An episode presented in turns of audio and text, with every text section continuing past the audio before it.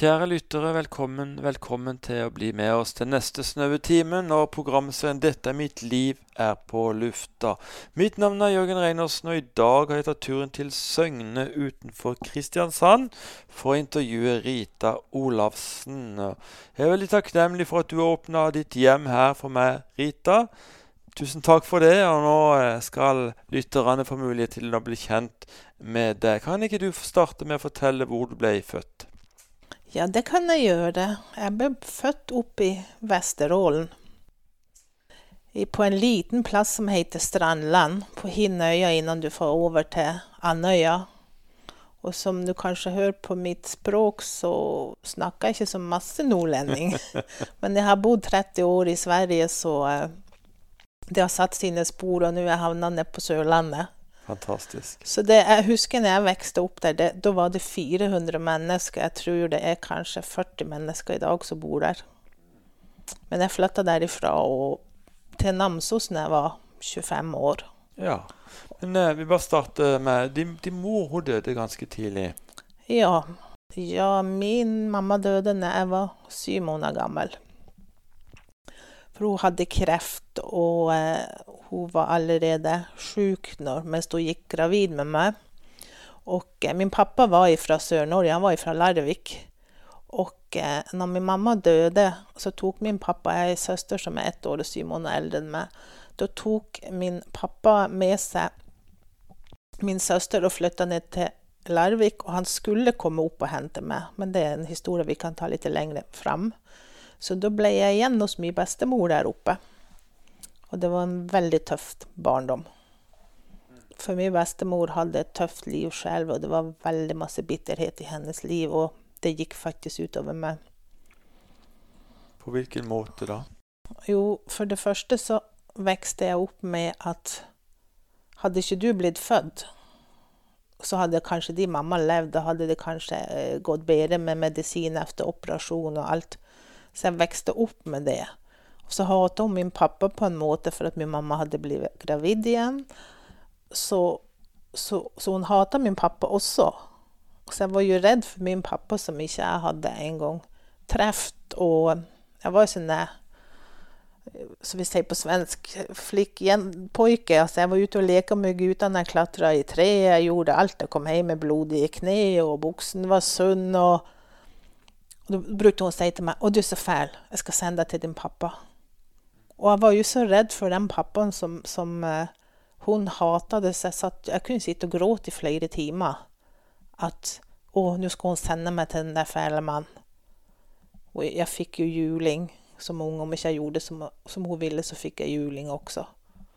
Men jeg visste jo ikke om noe annet. Så det ble en del av min hverdag. Og jeg fikk ikke ha klærne som de andre ungene hadde. Jeg fikk eh, det, Hun skulle kontrollere meg og alt på hennes måte, så det gjorde seg. Jeg hadde ingen nære venner heller. Så jeg ble mobbet i skolen helt fra første klasse opp til sjuende klasse. Hva gjorde det med deg? Det var jo konstant sorg, konstant smerter på, på innsiden. Altså når, når, du får vokse opp med at du har drept din egen mamma, det gjør noe med en unge. Det, det, er liksom Du forstår ikke det mens du vokser opp, hva du gjør, men du forstår det senere i livet, hva det har gjort. Så det eneste som jeg egentlig kunne finne trøst i, det var å gå ned og sette meg med havet. Det var, var der jeg samla styrken og, og det. Og jeg vet at jeg kanskje var 12, 11, 12, 13 år der omkring lite grann, så var jeg og søkte litt med Gud. For det var, jeg tror det var Maranata eller noen ting som hadde noe telt der. Og jeg skulle sykle dit, og da fikk jeg ikke, for hun, min bestemor Iblant så trodde hun litt. På julaften da leste hun jo alltid ut av juleevangeliet, men det gjorde hun alltid, det husker jeg. Og, og, så kunne hun høre på hva heter han Åge Samuelsen, 'Vekkelseluft over landet'. Men alt var synd for henne. Så man fikk ikke gjøre noen ting. Man skulle gjøre alt når man ble konfirmert. og fikk man gjøre alt. Og det gjorde jo den dagen jeg ble konfirmert. Da gjorde jeg alt, da. Det skal vi ikke gå inn på, men, men jeg gjorde alt. Men den tiden jeg var og søkte etter Gud Jeg skulle sykle på det der Maranata-møtet, og da fikk jeg ikke det. For det var ikke rett. Men jeg gjorde det i alle fall, for det spiller ingen rolle hva jeg gjorde, så fikk jeg juling i alle fall. Så jeg sykla på det der møtet, og så var det regnete og kaldt, og så hadde jeg glemt å sett riktig på tiden, så jeg kom to timer for tidlig til det der møtet. Og der satt jeg der på trappa, og det var stengt, og det var kaldt, og det regna. Da husker jeg en eldre dame. Hun tok inn meg, så fikk jeg varme meg med ovnen, og så stekte hun pannekaker til, ja, tils møtet venta. Og jeg fikk jo juling når jeg kom hjem. Og da vet jeg at da begynte jeg å lese Bibelen lite grann. Og så leste noen bok av Billy Graham. Jeg husker ikke hva den boka heter nå, men det gjorde sånn inntrykk på meg. Men sen kom livet imellom, og så ble det ingenting. Men jeg tror enda at det at Gud drog i meg allerede da, gjorde noen ting på innsida som, som ikke jeg forsto da. Så det var en veldig, veldig tøft oppvekst. Du traff uh, han som skulle bli din mann ganske tidlig? Ja, det gjorde jeg. Og det var som sagt når jeg fikk gjøre alt Når jeg ble konfirmert, så gjorde jeg alt. Man var på fest, og man var ute, og man var med mannfolk. Man, man gjorde alt. Så jeg traff jo han bare etter niendeklassen. Og uh, ja, om du sier det så. Jeg var totalt blind. Han var eldre enn meg, for det var som å gå ifra aska til den. Jeg skulle aldri ha gift meg med han. Og eh, min datter, som jeg ble jo gifta med da jeg var 17, og ble mamma da jeg var 17 15, og min datter var faktisk planert. Men det var min bestemor hadde alltid vært på mamma skulle ikke ha noen løsunger. Så naboene visste hvem denne personen var, så de kom til å bønne og ba Marita snille, gift deg ikke med han. Og eh, jeg skulle minst han ikke ha noen løsunge, jeg skulle være gift innen hun ble født. Og det ble også noen veldig tøffe tid. Det var, var liksom bare fortsetninga på det jeg har vært med om. Han slo meg ikke med hendene, men psykisk var det like tøft. Bare som et eksempel, han slo i hjel kattungen i fylla. Jeg hittet ham på gulvet og skåret opp armene, og min datter lå og sov i senga. Det er bare en liten brøkdel, jeg vil ikke gå inn på resten. Så det var noen utrolig tøffe år. Og det var faktisk han som tvinga meg til å flytte til Sverige i 89. For da bodde vi i Namsos, og jeg ville absolutt ikke til Sverige. Det, nei, jeg ville ikke til Sverige. Men uh, han tvinga meg. Hadde ingenting jeg skulle, skulle ha sagt, liksom. Når jeg levde med han og skulle gå på kino, da jeg får bråke i to måneder for å gå på kino med ei venninne. Og så var han lystløgner. Alt. Han kunne gå på butikken og kjøpe pakket melk og komme hjem og lyge om hva det kosta. Så det, uff, det var fælt. Men jeg klarte det ganske bra, for jeg var vant til å ha det fælt. Man visste ikke om noe annet. Men dere ble etter hvert skilt? Ja, vi ble skilt i Sverige, altså. Jeg vet ikke hvor jeg fikk styrken, for jeg hadde ikke bodd engang et år i Sverige nå jeg valgte å skille meg. Og jeg hadde sånn lengtan tilbake til, til Norge. Men min datter begynte jo andre året i, i, uh, på skolen i Sverige. Og da kunne jeg ikke rive opp henne når hun har gått der og så flyttet tilbake til Norge. Det fantes ikke økonomi, det fantes ingenting, for det var ikke så lett å bli skilt heller. Det var veldig masse tøft rundt det også. Så uh, hva skjedde etterpå, da? Eh, fant du noen ny kjæreste? Ja, man var ikke så lenge alene. Det er som at du vant å ha det dårlig, så han, hadde jo, han jeg var gift med først, hadde jo også alkoholproblem. Veldig masse. Så jeg lykkes jo å treffe etter noen år en mann som hadde eksakt samme. Både alkoholproblem og por, altså pornografiberoende. Så da gikk man jo bare inn i noen ting igjen som var enda tøffere. Men eh, det var også Så hele mitt liv ble det jo lagt på ene smellen etter den andre. Så jeg bare beit i hop, og så gikk jeg videre. Og så beit jeg i hop, og så gikk jeg videre. Men alt det her, det var jo på innsida. Det var jo ikke borte. Det var jo bare ungefær som du har legget et plaster på et sår. Og så begynner det å renne litt, og så legger du et plaster til et plaster til. Altså, det gjorde jo så vondt der inne. Så hele mitt liv har jo egentlig vært ondt de der årene. Men du lærer å leve med så du tror nesten det skal være så. Og det jeg tror jeg gjorde for å overleve de der tida, det var at jeg hadde alltid tok hånd om andre. Jeg fantes alltid der for andre. Jeg brydde meg om andre hele tida, og det var jo for å slippe å tenke sjøl. For bryr du deg om andre, så kjenner du ikke på sårene du har sjøl. Så jeg har alltid vært den der personen som de har kommet og lagt hodet på skuldra mi og gråte. Kjære lytter, du hører på programserien 'Dette er mitt liv'. Mitt navn er Jørgen Reinersen, og i dag befinner jeg meg i Søgne skjærgård utenfor Kristiansand. Her er det helt nydelig, Rita. bor er det ikke det? Jo, det er nydelig her i, i hallen, som det heter. Ja. Du delte at det var ganske så tøff eh, oppvekst, eh, må si det. Eh, men du fikk også en ganske lang og tøff kamp, for du, du var syk lenge. Det stemmer det. Jeg tok en utdannelse i Sverige på Jeg hadde egentlig siden jeg var 17-18 år og jobbet på et fiskebruk, så har jeg hatt problemer med nakken og ryggen, og derfor jeg forsleit meg litt der. Og så tok jeg en utdannelse i Sverige på som Det heter undersköterska mentalskjøtelse. Jeg vet ikke om du kan likne det med hjelpepleier her i Norge også. Du kunne jobbe på psykiatrisk også med den utdannelsen. Den var to år. Og da begynte jeg å jobbe med det, både på sykehuset og så begynte jeg å jobbe med på, som gamlehjem. Og det ble så utrolig tungt for kroppen, så jeg klarer ikke, så jeg slutta der 2003. Og fra da og så framover så var det nesten en tolv års kamp for å få rett til pensjon, som holdt på å knekke meg totalt. Og jeg var faktisk og søkte litt i New Age også for sagt, det her tomrommet på innsida, det, det, det, holdt på å gjøre noe til meg. Og jeg var så langt nede i den der perioden at jeg satt faktisk med masse sovetabletter i flaske vin og tenkte nei, nå orker jeg ikke noe mer. Nå har jeg kjempa og kjempa og kjempa siden jeg var et lite barn. Nå orker jeg ingenting. Nå er min datter så stor, hun klarer seg.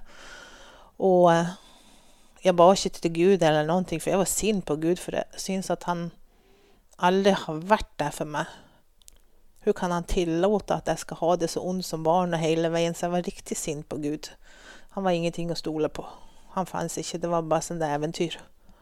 Så, men da var det en, en, en, kompis til meg, og han var ikke frelst heller, men jeg fikk han til frelsesarmeen, så han er frelst i dag. eh, han, liksom, som, han kunne ikke slippe det. Han var nødt til å få på besøk til meg og sent på kvelden. Og da kom det jo noen som jeg fikk råte ut hos, så det letta for stunden der, men hadde ikke kommet noen ting, da har jeg sikkert ikke sittet her i dag. Så, så nede og så tøft var det. Og ca. fire-fem år innan jeg møtte Jesus, så fikk jeg panikkangst, og det kom fra ingen stans ut av. Jeg har aldri vært redd for noen ting. Jeg var arbeidstrener på et reisebyrå, og så kom, kom hun som var sjef og spurte kan du ta en buss ned til, til, til Stockholm. Du, de skal ut på båt på Cinderella, og så få dem hjem, og du skal jo ha så de har det koselig hele reisen ned, og du skal ta vare på dem. Ja, det går bra, sa jeg. Ja, kan du gjøre det i morgen? Ja, det går bra, sa jeg. Så jeg var jo ikke redd for noen ting. Du får så panikkangst. Jeg kunne ikke svare i telefonen. Jeg kunne ikke åpne døra. Jeg kunne ikke engang låte barnebarna gi meg en klem. Så panikkangst hadde jeg. Så det var så tøffe, tøffe tid, så jeg gikk jo fire år hos psykolog. Ingenting hjelpte. Masse medisiner som man ikke visste om man var lei seg eller om man var glad eller noen ting. Du gikk bare som ei tåke oppi hodet hele tida. Du kunne ikke kjenne noen ting egentlig. Og du fikk utslag, og de satte inn tabletter, og de tok ut tabletter verste tida i mitt liv. Og, og, det var ingen hjelp hos psykologen eller noen ting.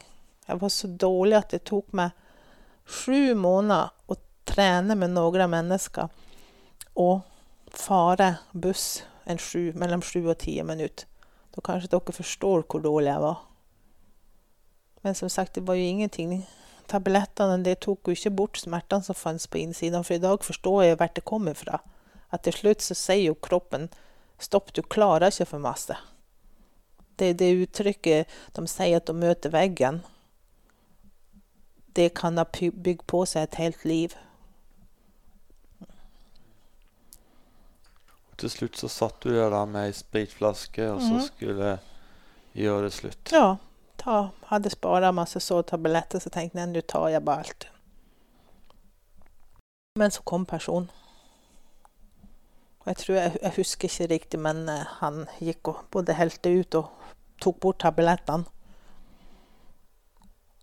Og sen så gikk det jo ei stund. Jeg hadde ei venninne som brukte å Hun hadde vel gått litt fra forsamling til sam- forsamling, men da hadde hun jo funnet Jeg hadde jobba med henne en stund så, på noe annet. Og eh, da har hun liksom funnet sin plass på Frelsesarmeen, så jeg tror hun hadde holdt på en to-tre år og spurt skal du ikke med på et alfakurs. Nei, glem det, Gud finnes, finnes ikke, sa jeg. Hun, sa, hun spurte meg bare hver liksom, termin, altså, og det var OK om jeg sa nei.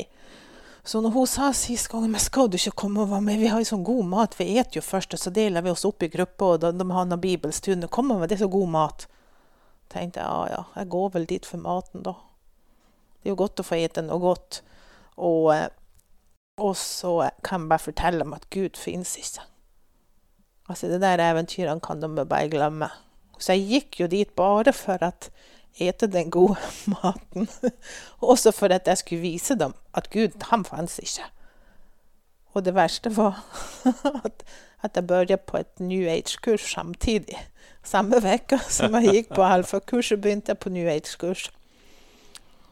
Og når jeg hadde vært første gangen på alfakursen, og så snakka jeg med venninna hvordan synes du det var. Ja, men jeg var jo bare på New Age-kurs da og hun var jo hysterisk. Du kan jo ikke, du kan ikke gå på begge.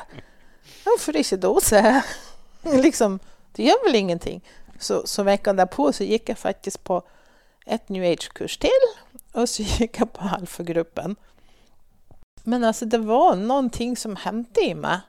Så jeg kunne ikke gå med. Jeg kan ikke forklare det at de sa fysj, fysj, for de som ledde det kurset, de, de visste ikke at jeg gikk på et New Age-kurs.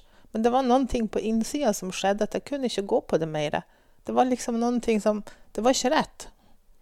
Så, eh, men hadde noen sagt at, at, at det skulle hende ting med meg på de der tidene jeg skulle gå det der kurset, og det var veldig god mat vi fikk, så jeg tenkte jeg skulle jo gå hver uke, for da får jeg spise så godt. Og det var jo litt trivelig å treffe folk òg. Men hadde noen sagt at Jeg tror det var i slutten på april, mars-april, der at jeg skulle si, nei, si ja til Jesus, så har jeg sagt kom aldri til henne. Det fins ikke. Det, det fins ikke.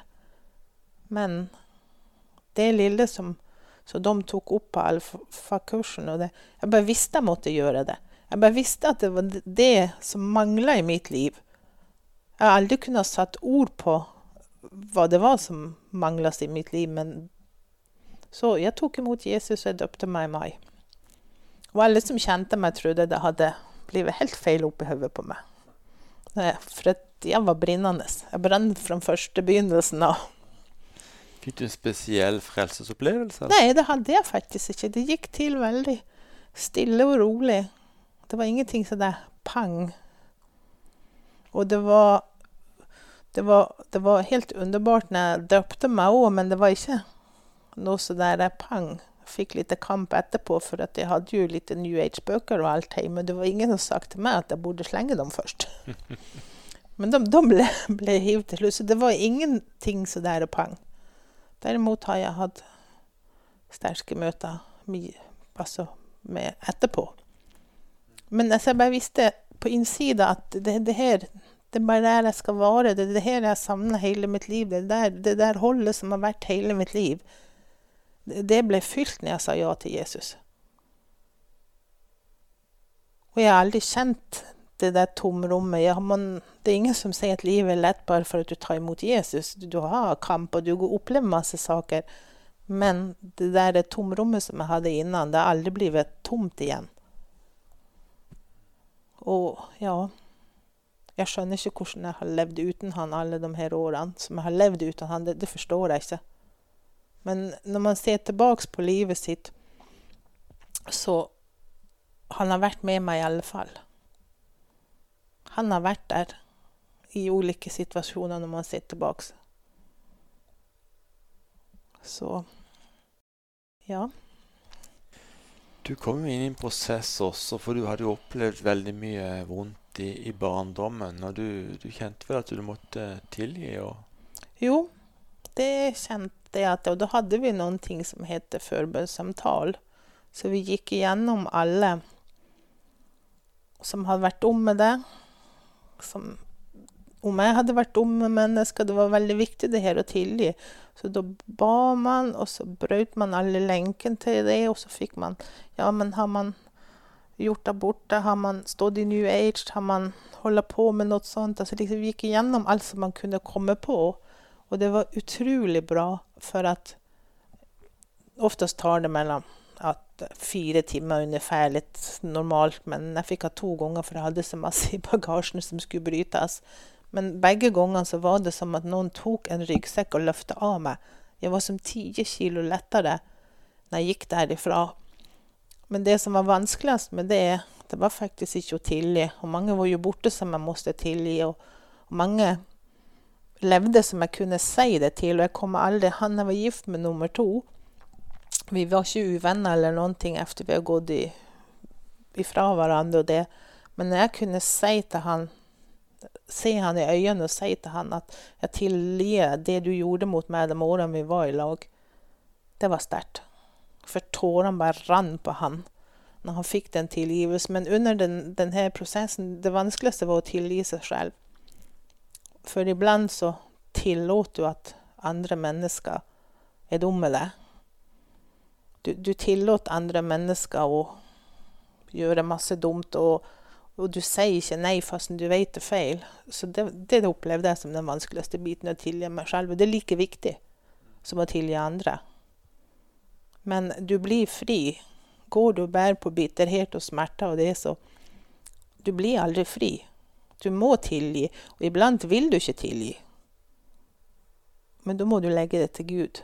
Da må du låte Gud ta det. det. Det du måtte gjøre, det er liksom å viljen at gjøre det. Da hjelper han deg om du ikke klarer det. Du har også fortalt meg det at all smerte fra barndommen forsvant etter at du tok imot Jesus. Yes. Det hele, hele Alt, alt liksom det, det forsvant. Og jeg kan huske på min bestemor den bra saken. Jeg forsto jo langt innen jeg tok imot Jesus at hun behandla meg så av hennes liv. Men nå var ikke jeg der den dagen hun gikk bort, men siden hun leste Bibelen iblant, hun måtte jo ha noen sort av tro. Så liksom jeg bare be og ønske at hun fikk komme hjem til Jesus den dagen hun dog. For hun døde på et sykehus, faktisk. Så det var liksom Jeg var i Sverige, og hun var der, så jeg bare, bare ønska at Jesus tok der og imot, tok, tok imot henne. Så nei, det er ingen sår igjen, og det er viktig å poengtere, men jeg måtte fortelle om min barndom for dere skal forstå hva Jesus har gjort i mitt liv. Du hører på programmet 'Dette er mitt liv', og mitt navn er Jørgen Reinersen. I dag befinner jeg meg i Søgne i Kristiansand. Og Rita, du bodde i Sverige. Hvordan fant du fant det som skulle flytte ned her? Ja, det kan man spørre seg om, for min tanke var jo aldri Sørlandet. Altså var det noe jeg lengta, så var det naturen i, i Nord-Norge. Og, det var jo det jeg egentlig lengta. Når jeg lengta hjem til Norge Jeg har alltid lengta hjem til Norge, så var det jo alltid til, til Nord-Norge. Det hadde vært i Larvik før, på Sørlandet. Det var liksom alt det hadde vært. Men nei, det fantes ikke min tanke. Men da var jeg uh, se, det, To år etter jeg ble frelst, altså det er snart to år siden da var jeg på en konferanse her i Søgne som, som var på bunnpris inne i Søgne, for det var noe via nettet. Jeg hadde blitt kjent med noen. Og så på denne konferansen så kobla jeg med noen folk som hørte til i Haugesund, som skulle starte noe nytt i Vikedal. og jeg hadde jo sagt til Gud når jeg ble frelst og det her at jeg skal gjøre, jeg legger ned mitt liv og gjør som du vil. Så jeg kjente meg liksom som mann at ja, men jeg sier opp leiligheten, og så flytter jeg dit med dem og så bor der et år bare på et rom og som var med på det her nye de skulle starte. Og det her var Ja, det her var i, i, i Hva skal jeg juni Det var by, juni Nei, det var i begynnelsen på august jeg var her i Søgne. Og så skulle jeg fare på denne plassen da i, i oktober, mot slutten av oktober i Haugesund. Og da skulle meningen jeg skulle være tre uker i Haugesund. Innan han for hjem og sa opp leiligheter i Sverige og pakka bort og satte noe hos min datter, for jeg har datter og to barnebarn. Og eh, så satt jeg hjemme i sofaen. Jeg hadde ikke noe musikk på. Jeg hadde, hadde ingenting på av lyd i leiligheten. Og så hører jeg en stemme som, som sier til meg i øret, veldig sånn her stille Du skal til, til Haugesund, men bare en kort, kort stund. Og så en annen stemme. Du skal til Søgne! Så jeg hoppa jo bare i sofaen og tenkte nei, Rita, nå har det begynt å bli noe feil oppi hodet på deg. Altså, noen som snakka her og Men samtidig så visste jeg det var Gud. Så når vi skulle fare ned på denne åpninga på kvinnekonferansen i Haugesund, så, så visste jeg det at jeg må bare si at jeg skal ikke bo her de her tre ukene. Jeg hadde jo ingen aning, for jeg hadde jo bare flybilletten tilbake om tre uker. Jeg skulle bo der tre uker og visste jeg skulle ikke være der. Og denne personen kom og henta meg på flyplassen i Haugesund. Vi var Ei anna venninne fra Sverige var med også. Og jeg tenkte jeg må bare si det på en gang. Jeg skal ikke bo her, jeg skal ikke være her. For Gud har sagt åt meg at jeg skal til Søgne. Og det ble kanskje ikke så bra mottatt direkte. Så det var vel litt anstrengt under helga, så jeg bare ba til Gud du må bare fikse det her. Så jeg tar meg herifra og får følge med noen som jeg blir kjent med, som er fra Søgne, at jeg får være der til jeg tar meg hjem. Og har du som uføretrygd i, i, i, Sverige, så var det ikke noe lett å verken betale en flybillett til eller gjøre noen ting. Og når den helga var ferdig, så fiksa Gud det. For det var dem jeg fikk fare med ifra, ifra der, og så jeg kunne få kjøre hjem eller til Søgne.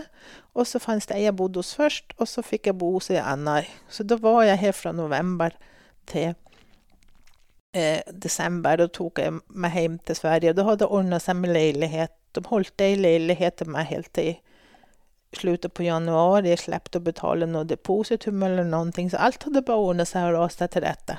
Så var det bare å få hjem til Sverige og pakke også. Få det hit. Og det, det, er litt artig, for man har hørt om nå at ei fra Bergen hun ble kalla til Søgne. Man har hørt om ei fra Tromsø ble kalla til Søgne. Så det er litt spennende hva Gud vil gjøre i Søgne. Ja. Dette huset her, det fikk du også på en spesiell måte? Ja, for leiligheter som jeg fikk når jeg flytta til, til Søgne, det visste jeg de skulle rive, for de holdt på å bygge et kjøpesenter og gjøre sånn der fint inne på Tangvalp i Søgne. Men de skulle rive det alt mellom tre og sju år. Og eh, liksom, ja, men hovedsaken jeg tok meg til, til Norge og fikk ordning med, med Nav og alt som rundt omkring, og det, så da ordna det seg, for jeg stoler på Gud. Men jeg tror jeg måtte fortelle drømmen først. For at det var for, forrige året, i november Jeg kan si det at hele mitt liv har hatt mareritt. Mareritt, mareritt nesten hver eneste natt. Og når jeg tok imot Jesus, så slutta jeg å drømme. Det var liksom som du trykte på en knapp. Slutta helt å drømme.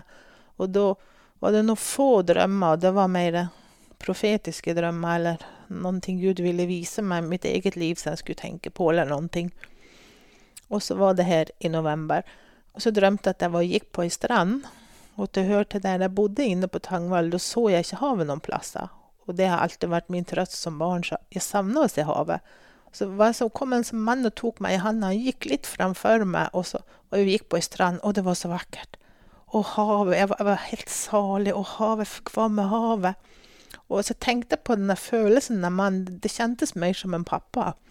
Og jeg så liksom, jeg hadde bare lyse klær og så litt av håret. Han gikk litt framfor meg, og ja, jeg brydde meg ikke om det var bare så skjønt å være med havet. Og så gikk vi, gikk vi hjem, og så kom vi til min dør, og hadde, den var grønn døra der jeg bodde. Og så hadde jeg klistra en lapp på døra i Stand with Israel. Og så gikk vi forbi min dør, og så gikk vi inn i en helt tom leilighet. Og liksom, Jeg skjønte ingenting, men så tenkte jeg men det er naboen. De har flytta og kjøpt hus som bor. Det, er kanskje derfor. De skal ikke rive her. Og så hørte jeg en røst som sa du skal bli her. Jeg ønsker du skal bli her syv år. Og så tenkte jeg men da kanskje de skal ikke rive på syv men det var bra. For jeg hadde kjent ting på meg, så jeg hadde ikke hengt opp alt på veggene og gjort som jeg ville ha det siden jeg flytta inn. Så ja, jeg tenkte ikke noe mer på det. Jeg fortalte noen venninner her, det fortalte noen i Sverige. Og så er det her i desember, 14 dager innen jul. Og så ringte det på døra, og så kom vaktmesteren, og så sier han ja, nå er det dags. Hva, sa jeg. Ja, du har seks uker på å flytte. For vi har solgt, og de skal rive. Og jeg hadde ingen penger til depositum. Jeg hadde ingen penger til doble hyre. Jeg hadde ei venninne som var på besøk. Jeg sa bare 'gå hjem, du'. Så jeg knekte jo totalt og bare begynte å gråte. Og tenkte 'Gud, her har du kalla meg til, til Norge, og så, og så blir det så her'. Og eh, så gikk det kanskje 20 minutter, en halvtime, så ringte det på døra. Så tenkte jeg det var kanskje venninna mi som kom tilbake. Forsto hun ikke jeg mente at hun skulle gå hjem. Men da kom han som var vaktmester og sa at ja, men nå har, vi, nå har jeg snakka med dem som, som du leier hos nå, og du slipper å betale de to siste husleiene. For at da får du mulighet til å betale depositum, og så komme med den buketten, liksom oppsatsen, til jul. Og da visste jeg at Gud var der. Da visste jeg bare alt skulle ordne seg. Det var liksom som Jeg bare visste det. Denne følelsen på innsida. Ja, nå Gud er med i det her. For det er ikke vanlig at noen gjør så. Og så var jeg bare på nettet, og så så jeg på noe, og så ringte jeg på den leiligheten jeg har i dag. Eller jeg skrev til henne på Finn, og så var det noen andre. Og så tok hun kontakt på formiddagen etterpå. Men det var bare å komme og se på den. Og de fleste vet jo at i Norge så er det oftest to eller tre måneder depositum. Kom og så på leiligheten. Den hadde stått tom en bra stund. Og jeg fikk den. Og så kom jeg hjem da på fredag, for det var på kveldstid og så på den. Og så kom jeg hjem på fredag, så ringte jeg til den venninne som har vært hos meg. Ja, det ordna seg, jeg fikk den. Og så var det litt dårlig økonomisk. Ja, men du skulle si opp strømmen og alt det du skulle flytte og gjøre at ja, jeg skulle behøve 4000 til, for det skulle bli en bra måned. Og så spurte hun meg sitter du. Ja, sa jeg, sitter alltid når jeg snakker telefon. Da hadde hun gått hjem og samla inn, gjort en innsamling med sine venner, så jeg fikk fire og to. Og så kan dere jo gjette hvor jeg bor. Med havet. Jeg går rett over veien, sier jeg, med havet. Det er bare Gud i en sånn sak, men det sterkeste er at han visste meg det i en drøm innan han visste hva som skulle skje. Så det er så utrolig sterk opplevelse. Han har omsorg for oss. Mm, virkelig. Mm. Har du lyst til å nevne et par episoder hvor du har fått erfare Guds omsorg på en spesiell måte? Ja, det, det Da får jeg gå tilbake litt. Grann. Jeg hadde denne kampen mot, eh, mot eh, Nav for å få uføretrygd. Og jeg fikk beskjed innan jul og alt det her at ja, du måtte finne noe nytt. Og så jeg skulle forsøke å gjøre det kort, en historie. Jeg var helt, holdt på å tappe min tru og alt. Og, og, jeg la bare alt til Gud.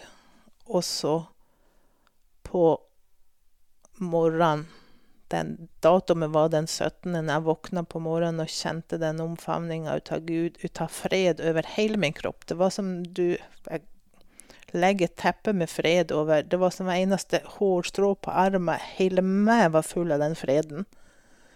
Og jeg har aldri opplevd noe så der Jeg kan ikke finne de rette ordene for, for, for, å forklare det heller. Men da tok det bare På formiddagen jeg hadde stått opp, da tok det tre, tre, tre timer ungefär, så fikk jeg beskjeden at jeg hadde fått det. Og den freden som jeg fikk den gangen, den, den går aldri fra meg. Og innerst inne, fast det var tøft når det hendte det her med at jeg måtte flytte og det, så på noen måte så var den der freden der inne. Tøffe tidene, alt vi har vært i nå. Jeg har en sånn fred. Altså, å få Guds fred, altså, det, det, det, det overgår forstanden. Altså, det går ikke å forstå med Du må kjenne på den. Og den freden fins der for alle om du vil ta imot Jesus. Han, han tar hånd om alt. Han har gjort det hele tida. Jeg lurer på også på, på det, Rita. Har du, har du en hilsen til lytteren du har lyst til å avslutte med? Ja, det har jeg. For det første så var jeg ikke redd for å tro. Var ikke redd for å ta imot Jesus. For jeg kan tenke meg det sitter mange mennesker her ute med samme opplevelse som jeg har hatt, på litt ulike måter. Og ja, jeg har ikke sittet her i dag om ikke det har vært for Jesus. Og det som Jesus har gitt meg, er ingenting i denne verden som kan gi meg. Det er ingenting i denne verden noen kan gi meg for å bytte ut Jesus. Det, det fins ikke. Og for hver dag jeg går med han, så lærer jeg noen ting. Jeg vokser, jeg får, får får en styrke som ikke er naturlig heller, som han gir deg når du står på hans ord.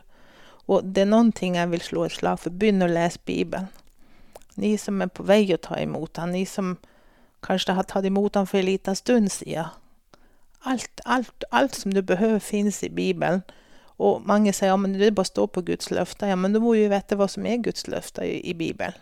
Går du inn i tøffe tider, så det er sånn trøst å finne i Bibelen. Alt du behøver, fins i den boka, så jeg vil slå et slag for å begynne å lese Bibelen. Rita Olafsen, hjertelig takk skal du ha for du har delt så ærlig fra ditt liv i dette programmet. Må Gud rikelig velsigne deg, din familie og ditt virke i årene fremover. Takk. Kjære lyttere, det er i dag fått høre en voksen kvinne som for et par år siden tok et valg om å følge Jesus. Siden den gang har livet blitt totalforvandlet. Kanskje du som lytter på dette programmet ønsker å se en forandring i ditt liv.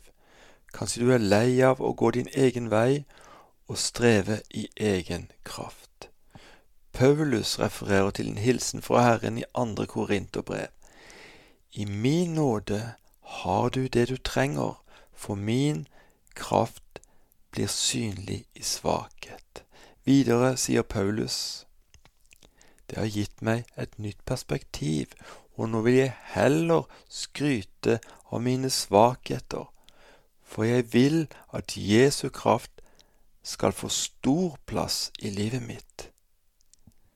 Dette fyller meg med glede, selv om jeg midt i min svakhet blir mishandlet, er i nød, opplever forfølgelse og til og med frykt fordi jeg er en kristen. Nå vet jeg når jeg er svak, da er jeg sterk. Og jeg leste ifra Hverdagsbibelen i andre Korinterbrev, kapittel tolv. Når vi ble troende, fikk vi et annet perspektiv på livet. Vi fant ut at det var noe som var mye større enn oss selv. Vi så at vi ble født med en hensikt, og i Guds nåde har vi det vi trenger til. Om du som lytter på dette programmet, vil ta et valg i dag og følge Jesus som din Herre, kan du be denne bønnen etter meg. Jesus, jeg kommer til deg nå slik som jeg er. Tilgi meg for mine synder. Jeg tar imot deg som Herre og Frelser i livet. Takk at jeg nå kan kalles et Guds barn, fordi ditt ord sier det. Amen. Ta veldig gjerne kontakt, du som ba denne bønnen med meg, Jørgen Reinersen, så jeg får mulighet til å sende deg et Nytestamentet sammen med litt annen litteratur. Du finner meg på Facebook, eller du kan gå inn på vår hjemmeside 9010.no. Dette staves slik n-i-t-t-i-e-0.no. La meg også be en bønn for deg som er syk, men skal først lese litt ifra Jesaja kapittel 55 for deg. Sykdommene våre tok han, og smertene våre bar han. Vi tenkte at han var straffet av Gud, straffet for sine egne synder. Men han ble såret for våre lovbrudd og knust for våre synder. Han ble slått for at vi skulle ha fred. Han ble pisket slik at vi kunne få legedom. Skal vi be sammen? Kjære Far i himmelen. Vi kommer til deg i Jesu navn.